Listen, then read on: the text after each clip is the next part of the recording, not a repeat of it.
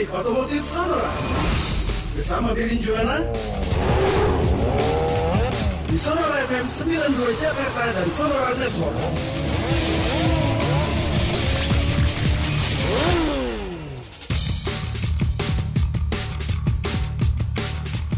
Halo selamat pagi. Apa kabar sahabat Sonora yang ada di Jakarta, kemudian Purwokerto, Yogyakarta, Surabaya, Lampung, Palembang, Bangka, Cirebon, Pontianak, Solo, dan pendengar yang ada di kota-kota lain yang tengah mendengarkan via streaming di sonora.id, sonora.co.id maupun aplikasi Juk. Salam sehat ya untuk Anda semua. Senang sekali pada pagi hari ini saya untuk kembali hadir di acara klinik otomotif Sonora dan selama 2 jam ke depan hingga pukul 12 siang nanti segala hal tentang otomotif kita akan bahas di acara ini. Pertanyaan dan komentar Anda bisa sampaikan lewat nomor WA dan Telegram 0812 1129200 ketik kos spasi nama, spasi usia, spasi alamat, spasi pertanyaan dan komentar Anda. Dan seperti biasa pada pagi hari ini saya sudah bersama dengan Pak Bebin Juwana. Pak Bebin, selamat pagi, salam sehat selalu. Selamat pagi, salam sehat buat kita semua. Sekarang saya teruskan pertanyaan Pak ya, nanti saya bisa ya. Uh, biar tanya banyak nih, datang ya, dari ya. salah seorang pendengar, uh, Pak Tanto di Bintaro Jaya.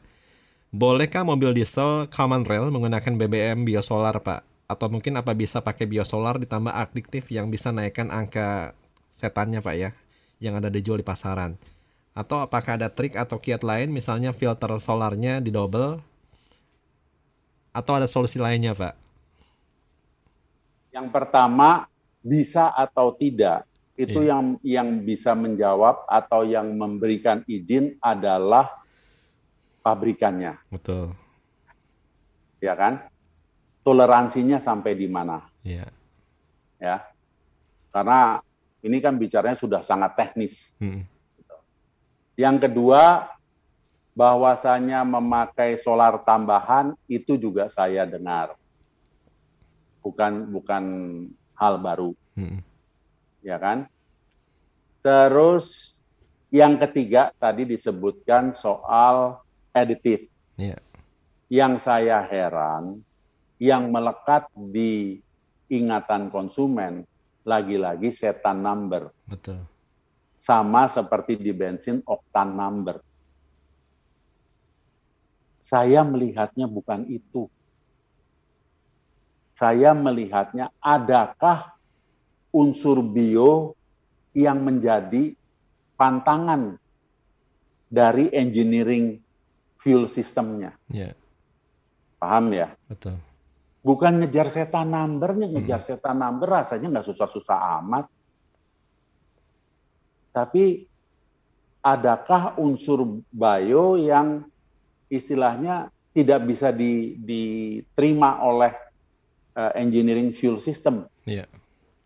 Kalau itu nggak ada, hanya sekedar apa tadi Eh, menambahkan filter karena mungkin apakah ada apa eh, kandungan air yang lebih tinggi atau apa pun itu kan bisa-bisa saja gitu pak yeah. bisa dilakukan dengan mudah okay. tetapi kalau mesinnya menuntut misalnya sulfur konten yang lebih rendah itu pun secara logika saya dengan bio kan sulfurnya akan sudah diturunkan sebagian. Ya, betul. Si bio ini kan nggak punya sulfur, yang punya kandungan sulfur kan minyak buminya gitu kan. Betul. Karena anda mencampur sekian persen, tentunya sulfurnya sudah di drop. Tapi apakah level sulfurnya itu sudah sesuai dengan tuntutan pabrik itu yang saya tidak berani jawab. Yeah. Jadi merek masing-masing yang ya. mengizinkan atau tidak. Kemudian Anda kalau kalau apa berbahas soal apa tadi uh, editif, hmm. saya sih belum pernah dengar ada editif yang bisa menurunkan sulfur. Oke, okay. baik. Water content yes, hmm. ada. Hmm. Sudah Cuma, ketemu. Ini SUV keluaran terbaru sudah common trend semua apa ya?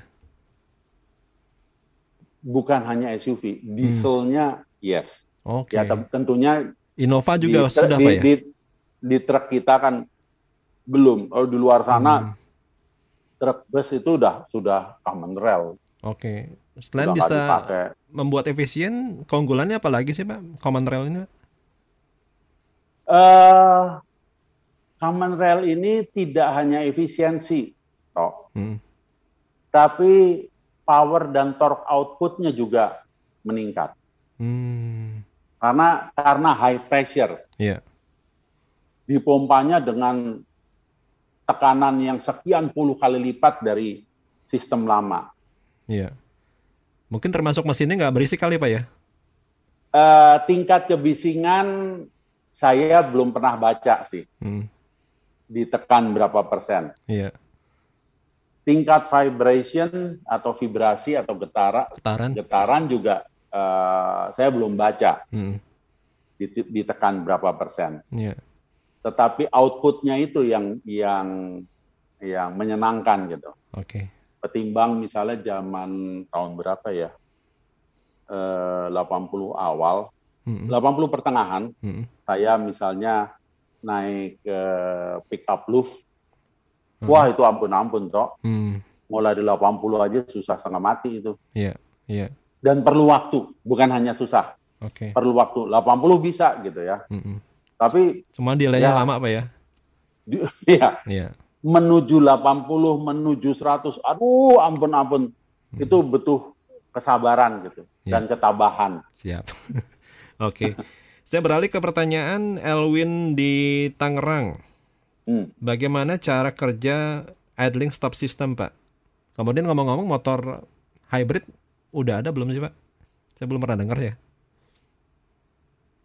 Eh, satu sebentar, yang start stop ya. Mm-mm. Stop itu ketika sensornya di sini. Ketika pedal rem diinjak dalam-dalam, ditekan untuk sampai berhenti total. Jadi Iya. ada dua sensornya, satu di rem, satu di speedo. Oke. Ketika speedo nol, rem diinjak pada pressure tertentu, sistem mengatakan mesin mati. Hmm. Makanya ketika rem dilepaskan,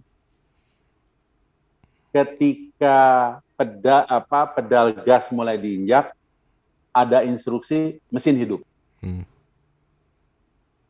Tetapi kan tidak bisa seperti itu terus-menerus toh. Oke. Saya ambil contoh macetnya Jakarta. Kan tadi kita udah bahas toh. Jarak 10 kilo 3 jam, Hmm. ya kan? Artinya kan kamu maju 30 sampai 50 cm udah mesti berhenti lagi gitu. Ya, Aki mana yang kuat toh? betul. Dinamo starter mana yang tahan? Itu nggak meledak udah bagus kan kira-kira kan gitu. Hmm. Nah, ditambah lagi dengan perkembangan teknologi, ditambah lagi. Saya nggak tahu di motor ini ditambah apa tidak, Ya. atau dibiarkan sampai akinya habis. Itu ada sensor yang membaca tegangan, tegangan listrik di aki. Ada yang membaca berapa temperatur dinamo starter. Ketika sudah masuk ke ambang batas, sistem cancel. Hmm. Itu yang saya tahu. Oke. Kalau keberadaan motor Nah, Kalau hybrid, motor hybrid, saya terakhir ada belum belum di ini sih, belum menjadi produk apa massal. Heeh. Ada yang mencoba memasang motor listrik di roda depan. Hmm. Roda depan kan kosong toh, Iya, cuman ada rem doang kan. betul. Nah, as tengahnya itu dikasih dinamo kecil. Oke. Tetapi saya lihat sistemnya belum jalan paralel. Artinya begini, si motor listrik yang ditaruh di roda depan itu bekerja independen. Hmm. Misalnya, Anto sudah tahu dari rumah saya cuma mau ke Indomart, mau beli teh kotak. Hmm. Lah, Indomart kan cuma satu kilo, PP 2 kilo gitu kan. Tambah main ke tetangga ke RT sebelah paling juga 1,2 kilo. Ngapain saya ngidupin mesin? Berisik-berisikin kuping kan gitu kan. Hmm. Nah, tinggal pencet si motor listrik. Ngelundung kan si motor kan? Betul. Mesin nggak pernah, nggak pernah. Nah, kenapa saya katakan belum apa eh, belum terintegrasi penuh karena misalnya si siapa si baterai sudah sampai ke level eh, 20% misalnya. Apakah dinamonya si motor yang selama ini charging dinamo starter eh dinamo starter akinya untuk starter apakah juga bisa ngisi dan di sini saya melihat kan ada keterbatasan toh Ya. sistem alternator yang kita kenal di mobil itu kan di motor kan kecil sekali gitu Oke. outputnya kan kecil sekali mengingatkan kamu tahu akinya motor aja Mm-mm.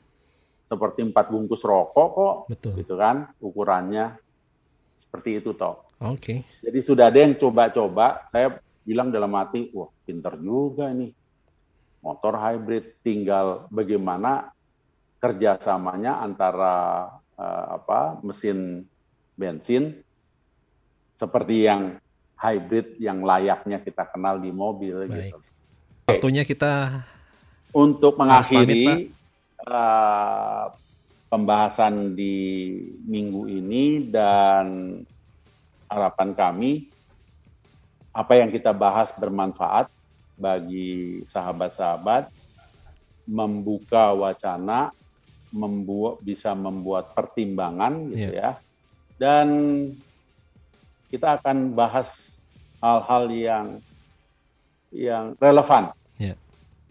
di minggu-minggu yang akan datang. Kita pasti akan jumpa lagi di Sabtu depan. baik. Yang penting kita tetap jaga kesehatan Pak Bibin ya. Salam Oh, sehat. prokes harus. Betul. Salam sehat dan sampai ketemu lagi hari Sabtu yang akan datang.